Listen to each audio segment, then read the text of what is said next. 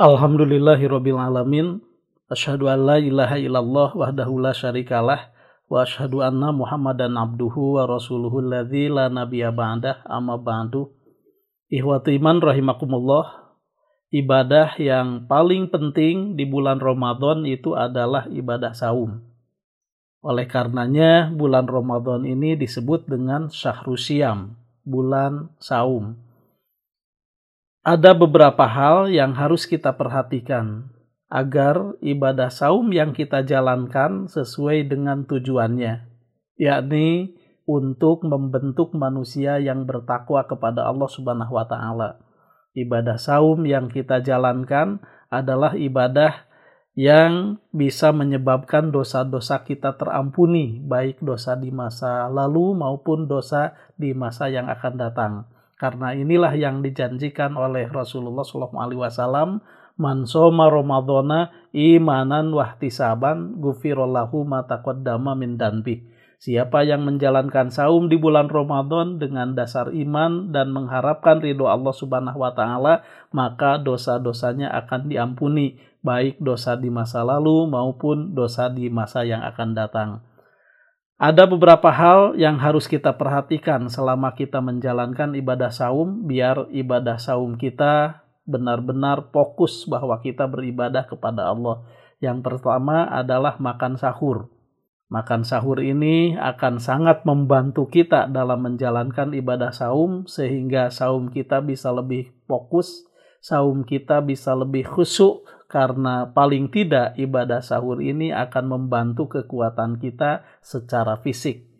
Namun walaupun secara fisik ini benar-benar sangat membantu, perlu diketahui bahwa ibadah sahur ini juga merupakan bagian dari ibadah kepada Allah Subhanahu wa taala yang dapat meningkatkan ibadah saum kita dengan berbagai kebaikan sebagaimana yang Nabi Shallallahu alaihi wasallam sabdakan tasyaharu fa inna fis suhuri barokah. Sahurlah kamu karena dalam sahur itu ada barokahnya.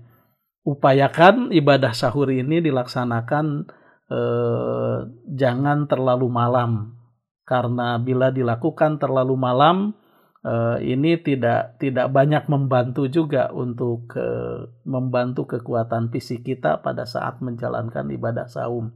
Kemudian yang kedua, Rasulullah Wasallam memerintahkan kita untuk segera berbuka. Ajilil fitro, fa inna fihi barokah, kata beliau. Segerakanlah berbuka karena dalam berbuka itu banyak sekali barokahnya, banyak sekali kebaikannya.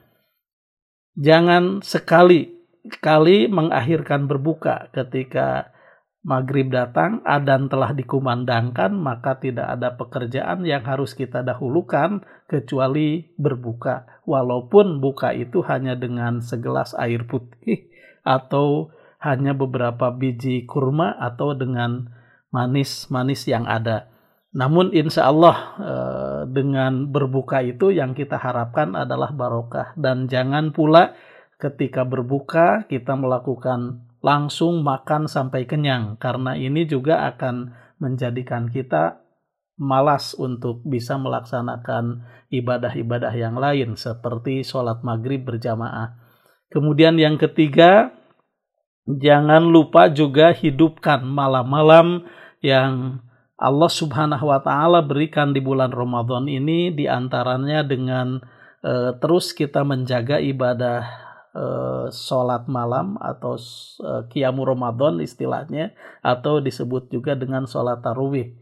Ada jaminan dari Nabi Shallallahu Alaihi Wasallam dengan sabdanya man koma Ramadana imanan wahtisaban gupirolahu mataqaddama min danbi. Siapa yang melaksanakan qiyam Ramadan dengan dasar iman dan mengharapkan ridho Allah Subhanahu wa taala, maka dosa-dosanya akan diampuni baik dilaksanakan secara berjamaah ataupun mau dilaksanakan secara munfarid, insya Allah yang penting kita tidak melewatkan ibadah sholat tarawih ini dengan eh, apa yang telah dicontohkan oleh Nabi Muhammad SAW. Kemudian di bulan Ramadan jangan lupa juga kita bertadarus Al-Quran karena Ramadan ini adalah bulan diturunkannya Al-Quran syahrul Ramadan alladzi unsila fihil Qur'an hudalin nasi wa bayyinati minal huda wal furqan.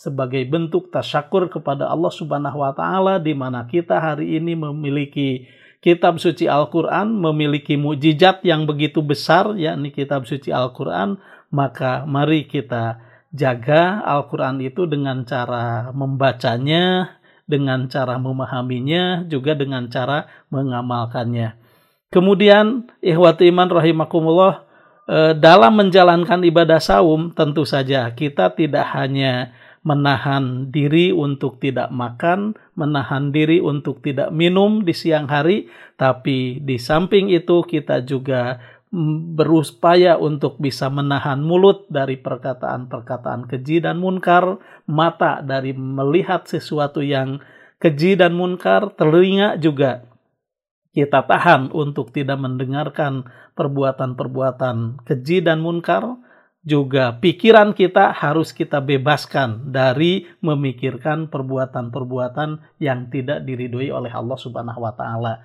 Saum yang demikian itulah yang akan meningkatkan kita kepada derajat ketakwaan yang akan menyamakan kita dengan orang-orang soleh yang telah Allah Subhanahu wa Ta'ala khususkan kedudukannya di kedudukan yang tinggi di surganya Allah Subhanahu wa Ta'ala.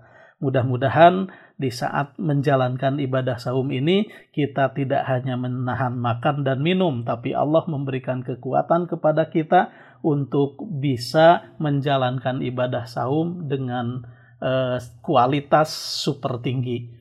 Mudah-mudahan Ramadan ini menjadi Ramadan yang bisa mengantarkan kita kepada derajat ketakwaan dan mudah-mudahan Ramadan ini menjadi Ramadan yang bisa mensterilkan kita dari segala macam dosa dan kesalahan yang pernah kita perbuat.